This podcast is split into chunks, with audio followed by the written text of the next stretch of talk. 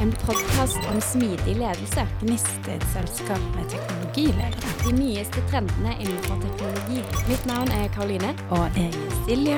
Dette er Kort og godt med Gnist.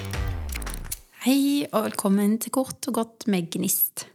I dag skal vi snakke om PM, men eh, ikke PM som du kanskje kjenner det. Vi skal dykke ned i det nye PM, altså Product Management, aka produktledelse. Men eh, hvis denne PM-forkortelsen er arvet av en hippere fetter, betyr det da at Project Management er dødt? I min eh, erfaring så snakkes det mye om produkteierrollen, men ikke fullt så mye om produktledere som de eksempelvis gjør i USA. Hva er egentlig forskjellen på en eier og en leder i produktsfæren? Og et enda større spørsmål hvordan ser i det hele tatt ledelsesbiten knyttet til produktutvikling ut i fremtiden? Jeg har fått besøk av eh, produktleder og produktstrategiekspert Kristoffer Bølum til å hjelpe meg med å belyse alt dette og sannsynligvis mye mer. Kristoffer er i det daglige leder i avdelingen Nye kundetjenester i Ruter, med ansvar for hele det digitale kundegrensesnittet og design. Og Ruter, for de av dere som ikke bor i Oslo, så er det snakk om kollektivtransport. Han har jobbet med produktutvikling, tjenesteutvikling og produktstrategi i over ti år, med erfaring fra oppstartsbedrifter og offentlige virksomheter. Han har bl.a. studert i Singapore, San Diego og København, så jeg velger å, å sette noen kronasjer på at dette her er en eventyrer som liker å utforske nye ting, og så studere litt på siden, kanskje. Basert på alle foreningene han har bidratt inn i, så vil jeg også tippe at han er en ekstrovert med mye drive. Det ser jeg for meg. Nå har han eh, imidlertid minst ett barn, for jeg vet at han akkurat kom tilbake fra pappaperm. Så jeg er usikker på hvor mye reising og forening eh, det blir på han nå om dagen. Velkommen, og takk for at du kunne komme, Kristoffer. Tusen takk. Veldig hyggelig å få være på besøk her. Gleder meg masse til denne praten. Bra. Så stas at du kunne komme. Hvor mange barn eh, har det blitt? Nå har vi endt på to, og vi holder det nok der. Ja, to barn. Det er fin, fin mengde. Da passer dere inn i en uh, Volkswagen, og det er plass til en hund i baksetet der. og Ja, ikke sant. Helt topp. Men du, du er jo eh, en Er du en produktleder, eller hva vil du kalle din egen tittel? Mm, godt spørsmål. Altså, når vi skal oversette ting til norsk, så blir det jo, ikke sant, hvis du tar product manager over til norsk og kaller det produktleder, så bruker man jo det egentlig som en tittel for å lede et team, et produktteam, eh, og som en del av et produktteam. Men så har man også produktledelse som et fagområde, som da ofte også kan være på et høyere nivå, som handler om å lede flere produktteam, eller ha en høyere rolle, da, en type en eh, produktdirektørrolle eller en, en CPO-rolle, men altså en overordna rolle som leder flere team og har mer ansvar for den totale strategien da, eh, som eh, ulike team eh, skal jobbe etter. Så mm, ja, kan du si at um, man er jo en produktleder, og så fins det jo ulike nivåer av uh, å lede produktet på. da. Men du har jobbet med produktutvikling i, i ganske lang tid. Disse begrepene her, som kanskje er nye for mange av oss, de er, er gamle for deg, holdt jeg på å si, eller?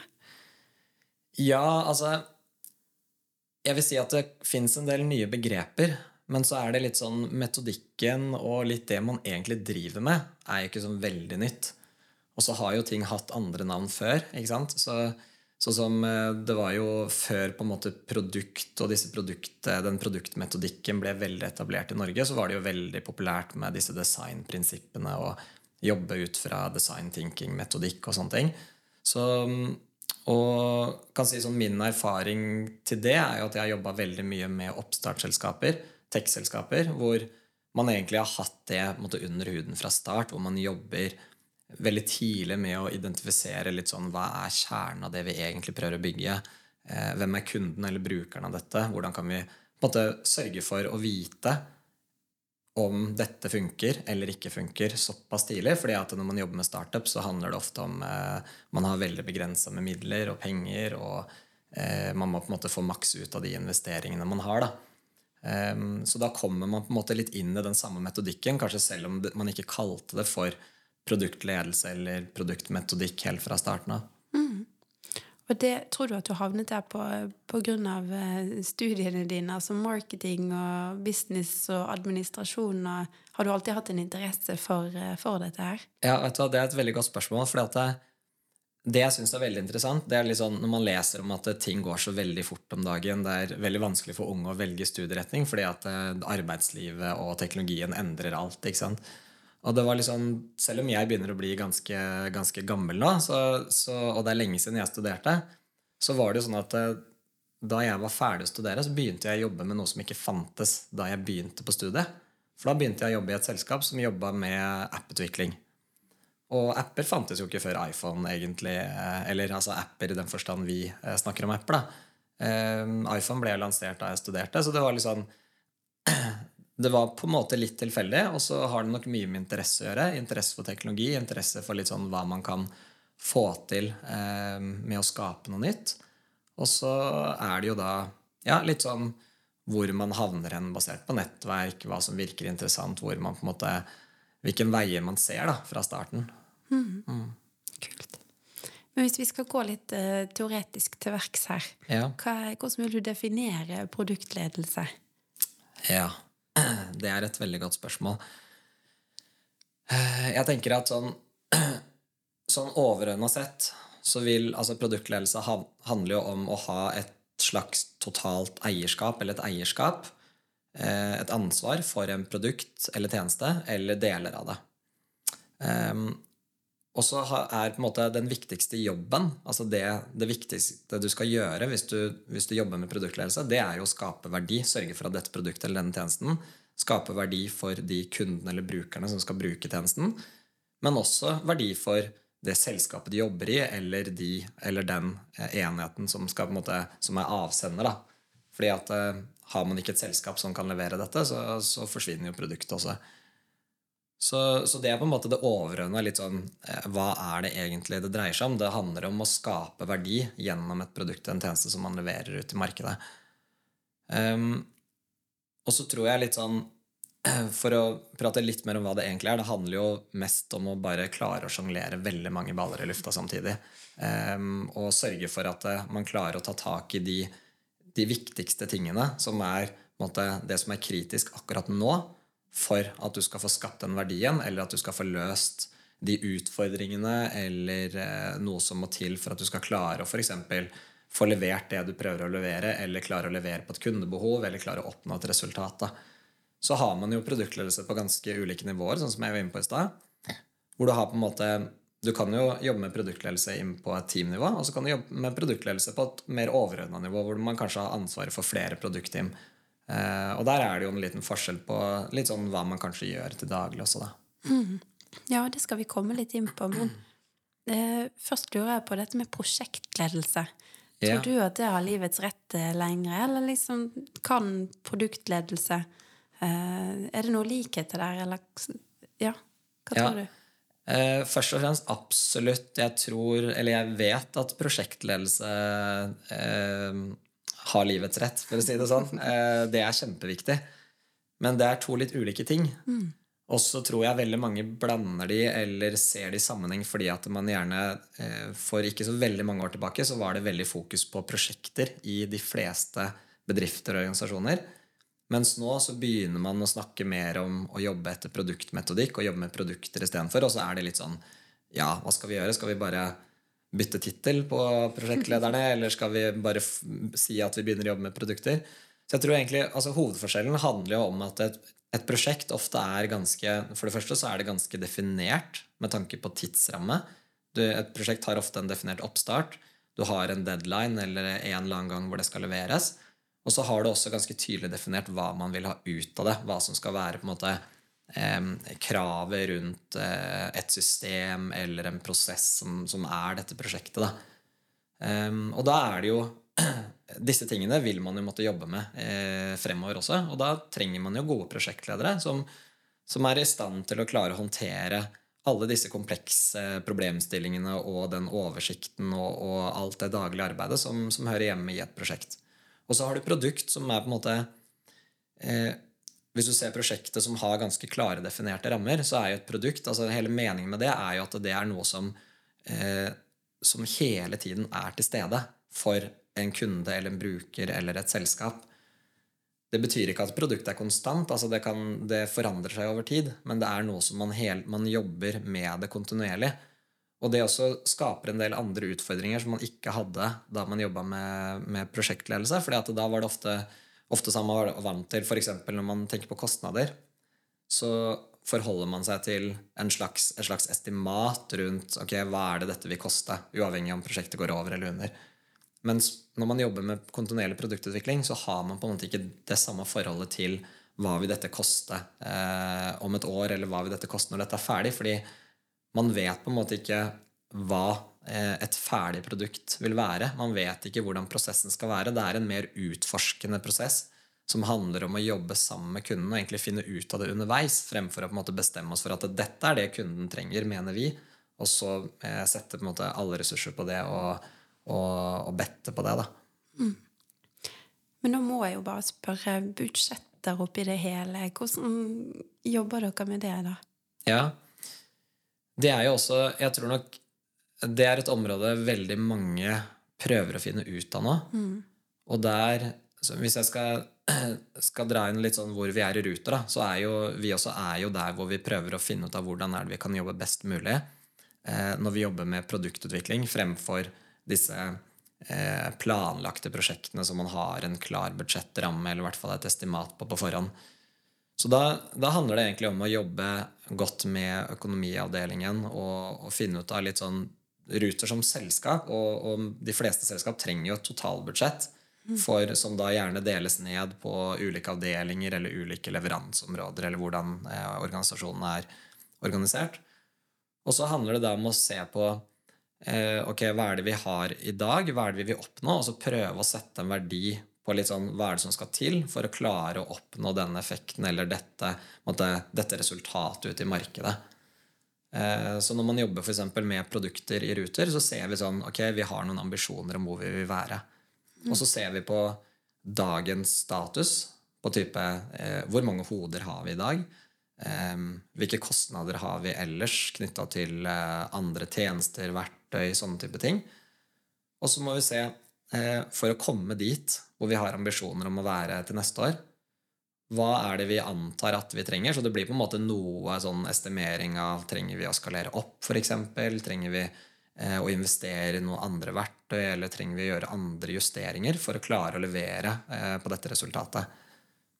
Men så er det også viktig at i og med at vi ikke helt, det er veldig mye vi ikke vet, Eh, og det er litt av meningen også, at man skal, man skal finne ut av hva man trenger eh, når man trenger det. Så ikke man begynner å skalere opp eh, med masse folk for eksempel, før man egentlig vet hva man skal bygge. For det også er jo veldig stor risiko og, og veldig store kostnader som egentlig går til spille. Så da handler det om å, at vi også har eh, Og der har jo, vil jeg si at Ruter har vært ganske, ganske flinke, ganske fremoverlente i måten å prøve å liksom finne en løsning på det. Hvor man setter av på en måte en slags en ganske stor, men man setter av en del av budsjettet som er mer sånn dette, eh, på en måte Denne potten den går til eh, Dette skal gå til å løse det vi ønsker å oppnå, men vi vet ikke helt hvilke personer, hvilke team, hvilke avdelinger som skal ha eh, de ulike delene av denne potten enda. Så det gjør vi vurderinger underveis. Så har man på en måte en, sånn, en slags ekstra altså sånn en pott som muliggjør det å kunne jobbe iterativt og jobbe kontinuerlig med og eventuelt skalere opp eller ned.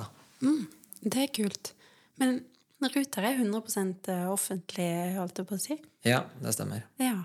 Men disse Jeg husker fra offentlig erfaring, holdt jeg på å si, disse tidsfristene for når budsjetter skulle meldes inn, og, og, når man vet hva man faktisk får. og Hvordan vet dere hvor stor denne potten skal være? Det er litt sånn prøving og feiling, og vi tror at vi trenger så og så mye til nettopp prøving og feiling, så vi setter det ja, det, det handler nok mer om at vi må Altså eierne våre, som er Eierne til Ruter er jo eh, Viken og Oslo kommune. Og de har jo de har jo et ønske altså, eh, Hele grunnen til at Ruter eksisterer, er fordi at de ønsker å tilby knallbra kollektivtrafikk og, og mobilitet i, i, Oslo og Viken-regionen, som Ruter eh, leverer tjenester i. Og, og, de har jo da eh, selvfølgelig et sett med, med, ønsker og litt sånn 'Dette her er det vi ønsker å oppnå'.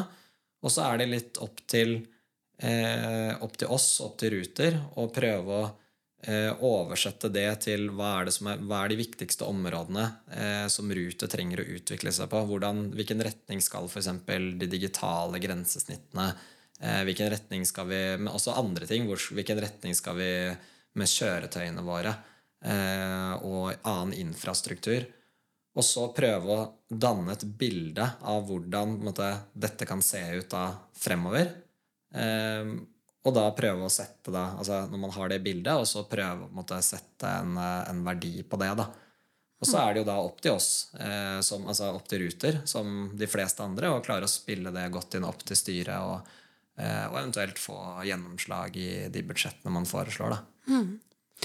Dette som man gjør det i din avdeling spesifikt, eller er det hele ruta som nå begynner å tenke i de baner? Eh, det vi snakker om nå med budsjettprosessen og sånn, vil jeg si er eh, hele Ruter. Og så jobbes det for å se liksom, hvordan kan vi tilpasse budsjettene for det som eh, går under, kall det mer ordinær, tradisjonell drift av kollektivtrafikken, som Ruter har gjort i veldig mange år. Og så er det også å se hvordan er det vi kan eh, spille budsjettet bra for den delen av Ruter som jobber på måter som Ruter ikke jobba på tidligere. Mm. Så, så, det blir på en måte en helhet, og så, og så, er man jo nødt til å jobbe godt sammen med både økonomiavdelingen og de andre delene av Ruter for å få dette til å funke. Mm. Men der er du aktivt med, holdt jeg på å si. Du er ikke bare en, eh, en flue på veggen. Du, du bidrar inn i de diskusjonene. Ja, vi er mange som bidrar inn der. Ja. Eh, mange fra min avdeling også som er med og, og spiller inn og, og, bygger opp litt sånn både hva vi ønsker å oppnå, og, og får inn eh, de behovene som vi trenger. Da. Ja. Mm. Og da er vi litt over på dine arbeidsoppgaver. Hvordan ser en, en arbeidsdag ut for deg, Kristoffer? Når jeg ikke spiller en podkast, kan du det? Ja. Um, ja, det er litt sånn jeg føler at spørsmålet ditt er egentlig litt sånn hvordan eh, bør en arbeidsdag til en produktleder være? Og så, og så merker man jo, og det tror jeg gjelder veldig mange altså sånn, Når jeg tenker på meg selv, så jeg er veldig bevisst på at jeg blir fort slukt opp av alt mulig. Eh, veldig mange småting, veldig mange detaljer eh, som jeg burde prøve å bruke mindre tid på. Men det er også litt sånn vanskelig oppi det hele. Um, nå, nå, er jeg, jeg leder en avdeling med ganske mange mennesker. Vi er jo altså vi er nesten 80 stykker i avdelingen. Og det er mye måte, det er mye som kreves rundt det å sørge for at man har en tydelig retning og, og vet hva man, hva man, skal oppnå, og litt sånn hva som er meningen med både hele, altså helheten av avdelingen, men også hva hvert enkelt team prøver å oppnå. Um, jeg kan komme litt tilbake til det, for det er jo det er kanskje den viktige jobben. Og så er det alt det andre når man er så mange, og når man også er en, en avdeling inn i Ruter, som er stort, eh, en stor organisasjon som gjør fryktelig mye forskjellig. Og så er det mye som treffer oss, siden vi jobber med digital produktutvikling og vi jobber med kundegrensesnitt og det som treffer kunden ute, bl.a. i appen og på skjermene på busser og på holdeplasser og sånne ting. Og da blir det veldig mye eh, måtte, eh, dialoger, møter, avklaringer med veldig mange deler av organisasjonen, og deler utover altså eksterne stakeholders også.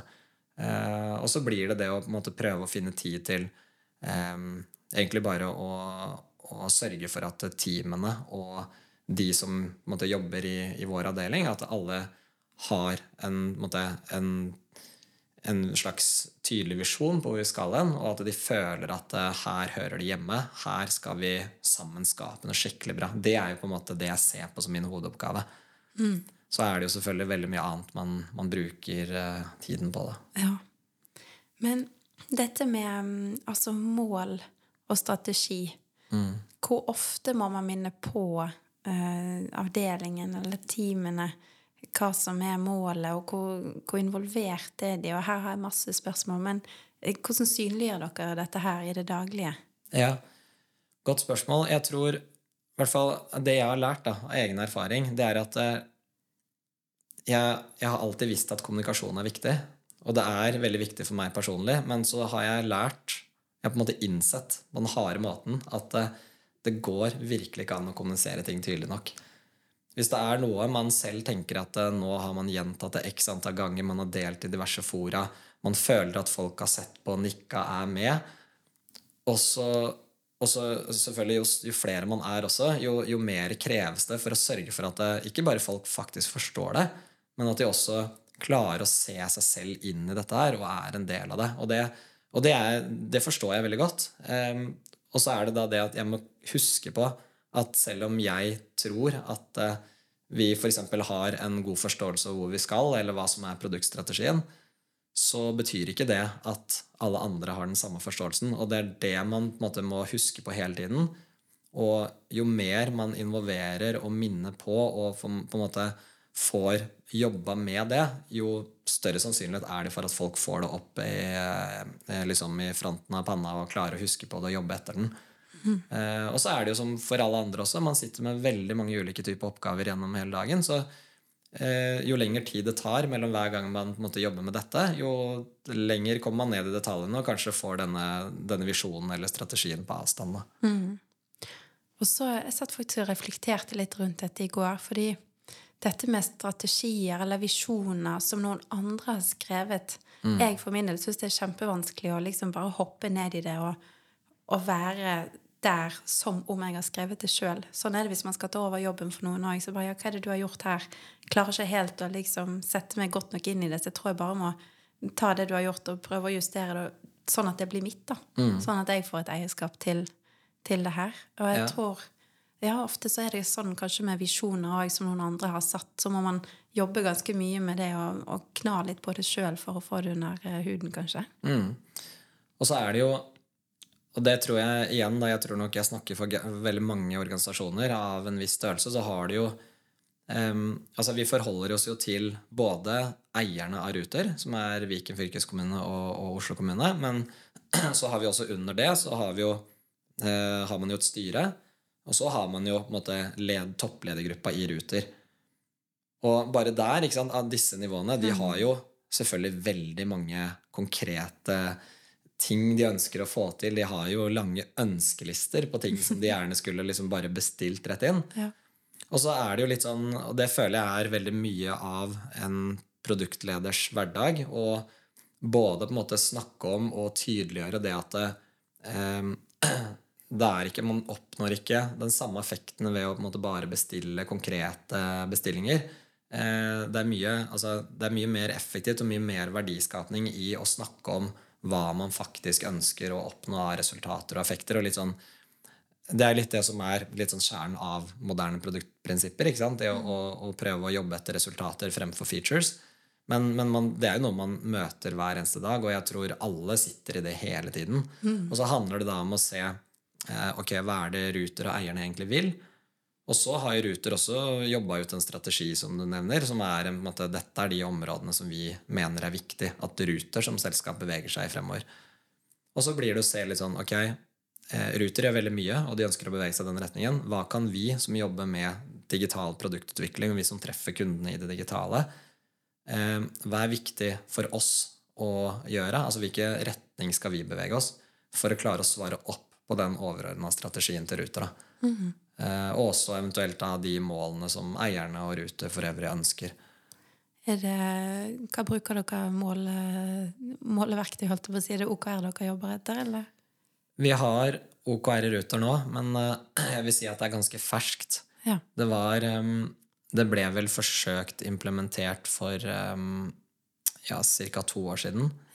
Og da er det jo Jeg har også vært med på å prøve å implementere OKR i tidligere selskap, og det er kjempevanskelig. Det er, eh, det er vanskelig for alle å klare å se litt sånn Man leser disse OKR-bøkene, man ser hvordan de gjør det i, Silicon Valley, og så, og så, skjønner man ganske fort at dette her funker jo ikke i det hele tatt hos oss. ikke sant? Mm. Det, eh, det er jo standard. Og da er det litt sånn Det tar tid å finne eh, en måte og et nivå på OKR-ene som fungerer. Og så tar det minst like lang tid å skape en forståelse for hva dette er for noe. For jeg tror, sånn som for min del, jeg tror det viktigste er ikke hva, altså om du bruker OKR eller om du bruker noe annet, altså hva slags målstyringsverktøy for eksempel, du bruker. Det viktigste er at du finner noe som alle som jobber i det selskapet, eller alle som, alle som skal jobbe etter det verktøyet, alle må forstå hva det er, og hvordan det funker, først og fremst. Og så må man klare å sette måte, eh, tydelige mål som alle er forent om, og som alle føler at dette her eh, er vi med på? At ikke det er noe som f.eks. bare settes fra toppen, eller at det blir litt skjevfordelt, at det bare settes mål for denne delen av organisasjonen. og sånne ting. Har dere, eh, når dere jobber med mål i, i teamene, setter de også sine egne mål, eller er det 100% aligned med de eh, lagene som kommer over? De setter sine egne mål, og så er det ikke alltid at teammålene er um, aleine i så veldig stor grad heller med, med overordna mål eller OKR-er. Det viktigste er at teamene um, Teamene skal først og fremst løse de oppgavene som de er satt til å gjøre. Altså Hvis du er et produktteam som har ansvaret for en del av uh, ruteproduktet, så, du, så, har du ansvar for å skape verdi for denne delen. Og da kan det godt være at det, eh, man har, hvis man har et sett med, med overordna mål i Ruter, så vil jo ikke alle teamene Ruter jobbe direkte mot det. Så da er det jo det viktigste er jo at teamet selv eh, har en tydelig visjon for hva er det man skal eh, hva er det man prøver å oppnå her? Hvordan er det vi skal skape verdi for kunden, eller hvordan skal vi løse ulike kundeproblem eh, som vi vet er der ute? Mm. Eh, og så er det selvfølgelig Man må jo prøve å se, når man ser helheten av dette, så må man jo prøve å se litt sånn Ok, er dette kundeproblemet viktigst, eller er dette andre kundeproblemet viktigst? Mm. Eh, et av de svarer kanskje litt mer opp mot det overordna målet ruter, eh, da vil jo det kanskje være førende for hva teamet skal fokusere på nå, da. Mm. Men da satt jeg og tenkte litt Hvem er det som tar disse beslutningene? Og, og da kommer jeg også inn på produkteier versus produktleder. Hvor mange antar at produktteamen deres har produkteiere òg, eller? Ikke hos oss. Nei. Så nå er det sånn at i Ruter nå så har vi veldig mange produktteam, og så har, har vi noen produktteam som er i, i, min avdeling, og så er det hele, måte, hele riggen som jobber med digital produktutvikling, er eh, større enn en, en, måte, bare de som jobber hos meg, da, for å si sånn. Og så er vi jo i Jeg vil si at vi, det vi har jobba eh, hatt veldig stort fokus på de siste årene, det er å sørge for at vi får en bedre måte å organisere oss og jobbe sammen som team totalt sett, altså produktteam i Ruter, og hvor, også hvordan vi jobber eh, på tvers av alle team. Um, og så er det sånn at vi bruker Altså, vi har ikke en produkteier hos oss. Uh, og jeg tror egentlig at det, litt sånn, den tittelen produkteier det, også, nå alt dette her innenfor produkt er så nytt at jeg tror veldig mange kaller ulike stillinger for det samme. Altså sånn, de kaller det forskjellige ting, men så er det kanskje samme rolle. Men, men produkteier stammer jo egentlig fra, eh, fra type scrum-metodikken, og der hvor du har en, en, en produkteier som nesten egentlig er en bestiller til et team. Og så har du da en teamlead eller scrum master eller hva de kaller det, som, som er inne i, i teamet sammen med utviklere og kanskje noe design. Og så lager, jobber de på en måte eh, etter det som produkteieren mener er viktig. Da. Mm. Um, hos oss så har vi en produktleder som jobber i en trio sammen med eh, designlead og techlead. Og så har jo teamene ofte eh, flere utviklerroller eh, og eh, flere designerroller også, litt avhengig av hva slags produktteam og hva de, hva de jobber med å løse. Um, og så er produkt lederen da, eh, da er den en del av teamet. Og eh, det teamet totalt sett er, måtte, skal ha alt de trenger for å både eh, ta alle beslutninger, være autonomt nok til å bestemme over hvordan, hvordan, de skal utforske nye løsninger, og eventuelt hvordan de skal prioritere dette da, opp mot de overordna målene som teamet skal, skal løse. Ja. Så, og så tror jeg kanskje at sånn, hvis man skulle sett en sånn forskjell på en produkteierrolle og en produktlederrolle, så vil jeg si at en produkteier har vel kanskje um, Altså, man har, man har, nok veldig stort fokus på det forretningsmessige og eh, det som eh, handler om eh, økonomi og det å skape verdi. og litt sånn må, Man må også selvfølgelig vite om strategien til selskapet og, for å klare å prioritere og bestille ned til teamet. Men etter min erfaring så har altså den, den tradisjonelle modellen med en produkteier i et scrum-team, da har man ofte ikke jobbet så tett kontinuerlig med kundene hele tiden som et produktteam helst skal gjøre. da. Mm. Eh, for da handler det om at produktteamet, og ikke bare produktlederen, men egentlig alle i teamet, i hvert fall trioen, skal jo helst snakke med kundene på ulike måter eller jobbe med kundeinnsikt eh, eh, løpende. da. Ikke bare når man skal validere eller bare i startfasen, men egentlig underveis hele tiden. da. Ok. Men denne produkttrioen, kan den være delt eh, på team, eller er det én produkttrio per team? Altså én produktleder, en designlead og en tech-lead per team? Det er det vi stort sett har i våre team, ja. Og så er det jo litt sånn Det er jo ikke noe Sånn som jeg ser det, så, så er det viktig å få frem at det er jo ikke noe fasit på hvordan du jobber med produktledelse eller følger en produktmetodikk. Det sånn det viktigste er å ikke, liksom, ikke ta alt du leser i bøker og prøve å liksom oversette direkte til selskapet, for det vil ikke funke. Så, så man må gjøre en del justeringer og tilpasninger for hva som funker med de menneskene man har, den, det selskapet man jobber i, hva man prøver å løse, hvordan produktet man jobber med, er.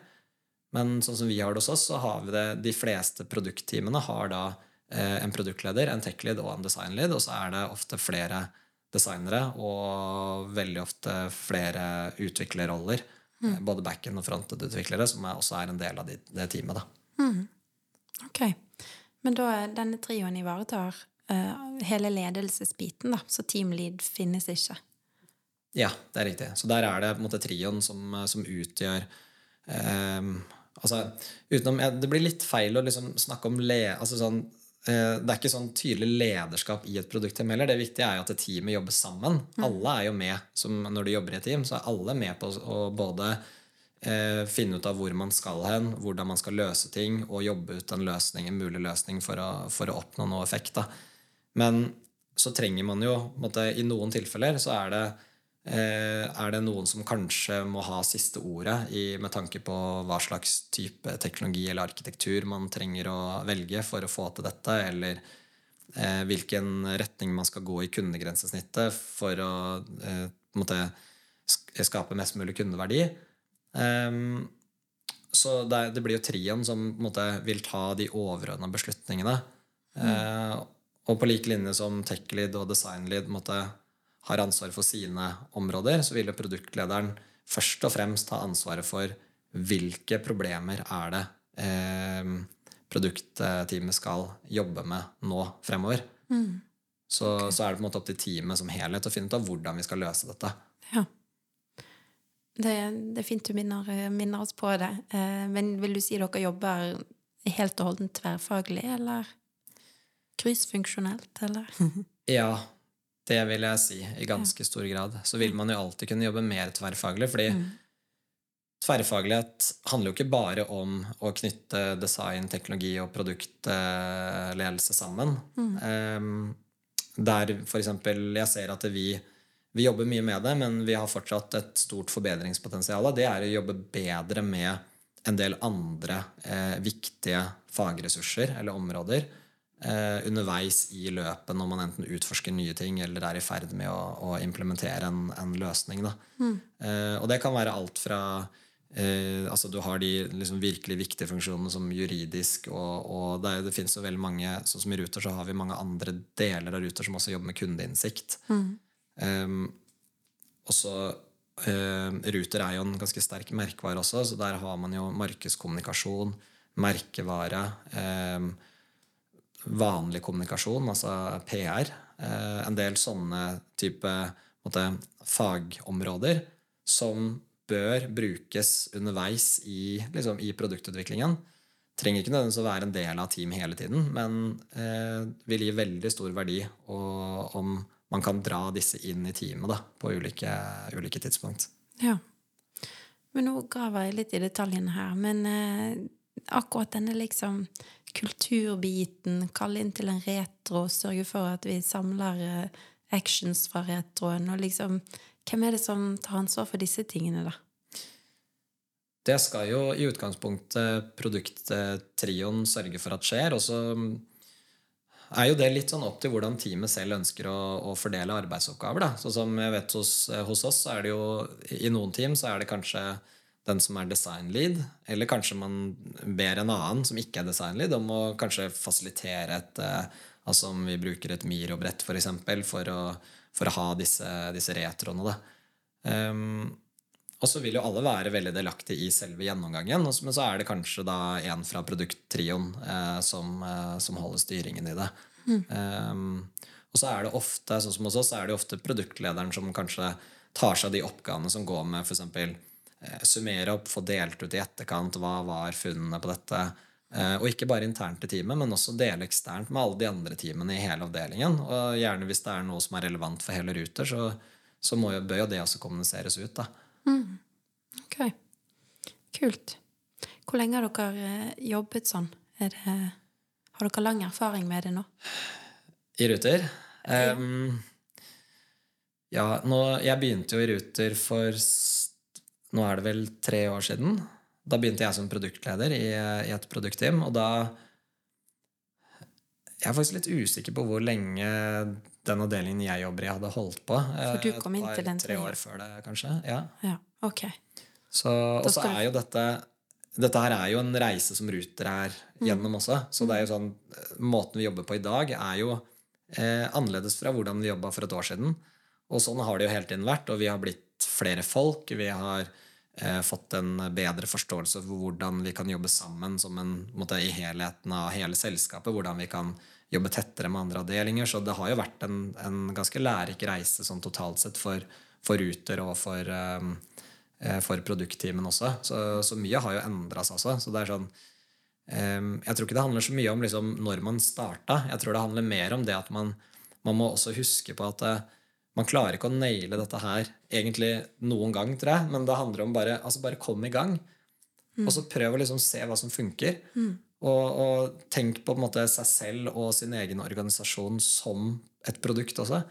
Og bare og, og test litt. Er det noe som funker, så, så behold det litt til, og se om det fortsetter å funke. Er det noe som lugger litt, så, så gjør litt endringer der. da. Og så er man på en måte på en kontinuerlig reise rundt sine egne prosesser og egen metodikk også. Ja, for hvordan kommer man i gang, da? Hvor starter man eh, konkret? Ja, det er et veldig godt spørsmål. Sånn, hvis man skulle begynt fra scratch Jeg tror- det, det avhenger nok veldig av hvor em, hva slags type selskap man er, hvor store man er. Er man en startup som skal jobbe, altså type en tech-startup som begynner med noen få gründere, så tror jeg kanskje nesten man er der fra før av. Eh, eller fra start. Mens er man i et stort, etablert selskap som ikke har jobba med noe produkt eh, eh, etter no- noe produktmetodikk tidligere, så, så kreves det jo en del mer både for å måtte lære opp og, og opplyse om hva dette her er for noe. Og så tror jeg nok det kanskje lønner seg, hvis man er et stort selskap, så, og, så tror jeg det lønner seg å også kanskje få bistand på selve metodikken og litt sånn hvordan man bør jobbe, og ikke bare på en måte ikke bare mm, ansette eller, eller eh, få én til å bli produktleder og sette sammen et team.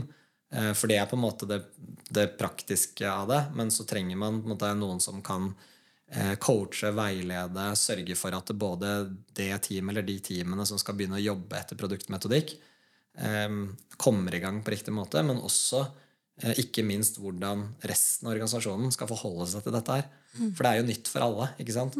Og hvordan skaper man, hvordan forventningsstyrer man, hvordan sørger man for at produktteamene faktisk skal fungere som produktteam, og ikke blir et, eh, et eh, team som bare tar imot bestillinger. Som da, da har man egentlig ikke kommet noe særlig vei. da.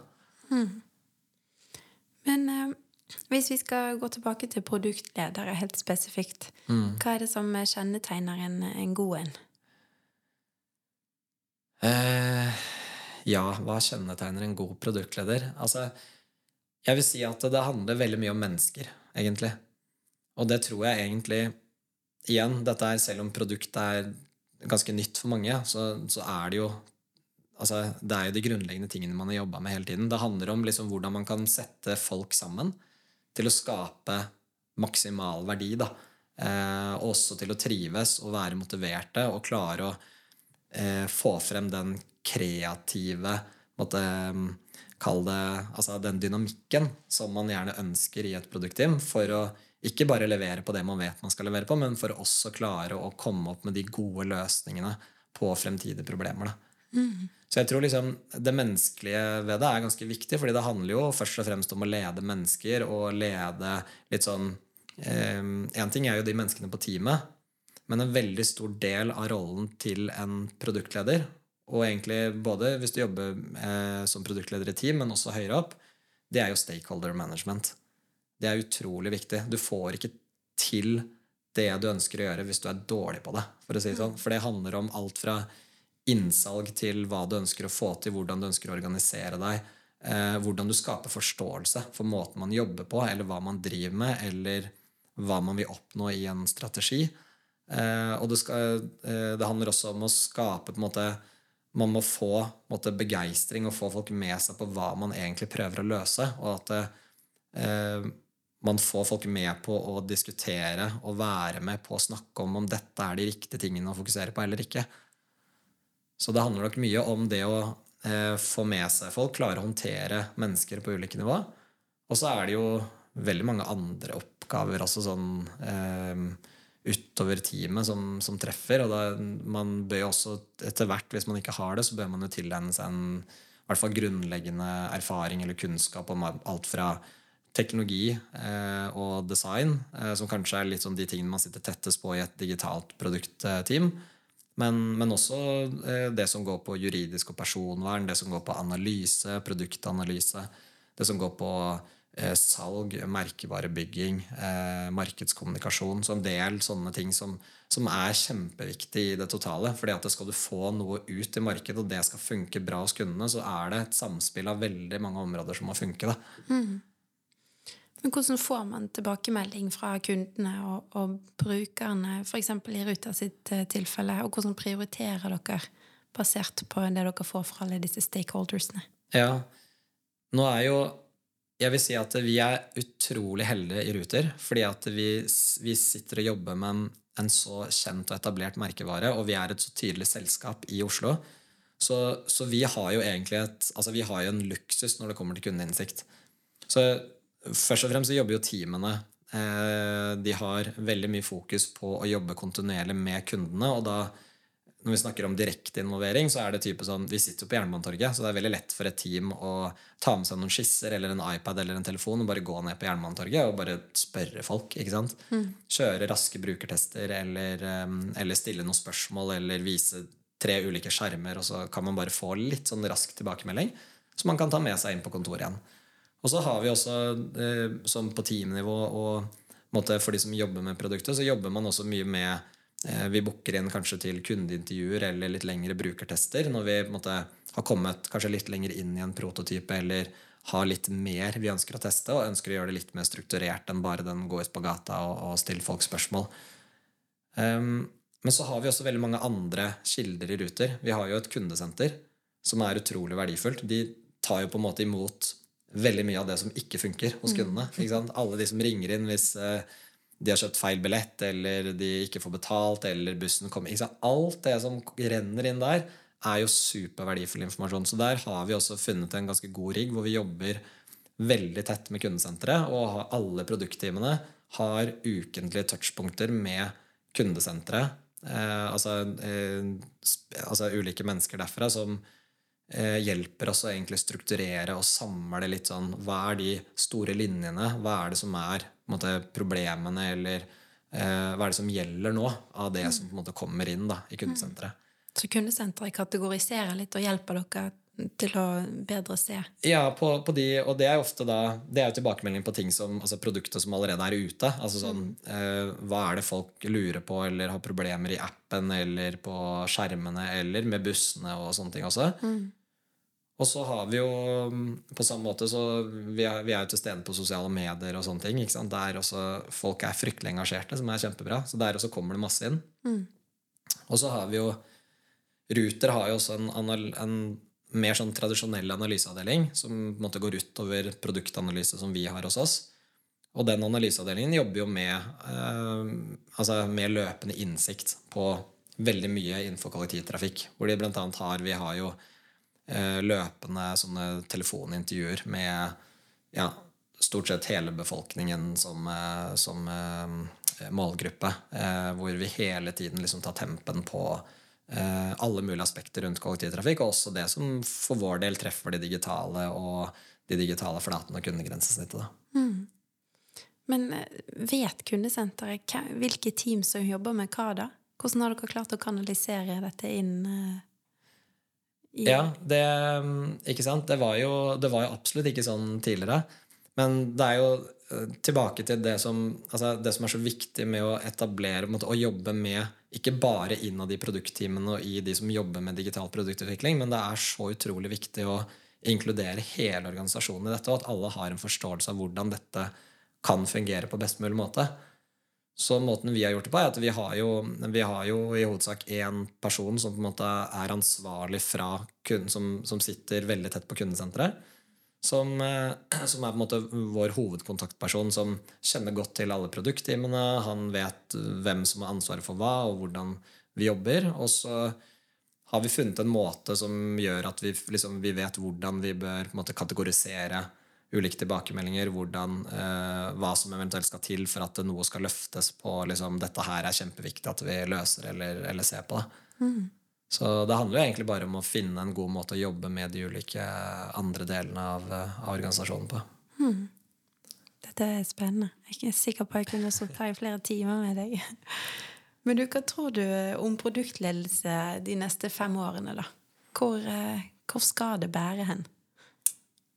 Ja Neste fem årene Det er jo ikke så lenge til. Nei, det er ikke. Nei, tiden flyr. ja. um, hva jeg tror om produktledelse Altså, jeg tror egentlig ikke det har endra seg så mye. Men jeg går ut ifra at enda flere har begynt å ta det i bruk, og at det kanskje har um, blitt litt mer etablert, at folk begynner å få litt bedre kunnskap om hva det dreier seg om. Um, jeg vil ikke gå inn på sånn uh, Ja, jeg tror at vi kommer til å bruke AI i større grad. sånne ting, Det gjelder jo alt. Men, men jeg, jeg, tror det, altså, det, det vil nok kanskje være andre typer verktøy eller metoder som utvikles. og sånne ting, Men jeg tror det egentlig handler om Og fem år er virkelig ikke lang tid. så det, det er litt sånn jeg tror nok bare det er en sånn modningsfase hvor kanskje flere vet hva det er, tar det i bruk, jobber etter det. Mm.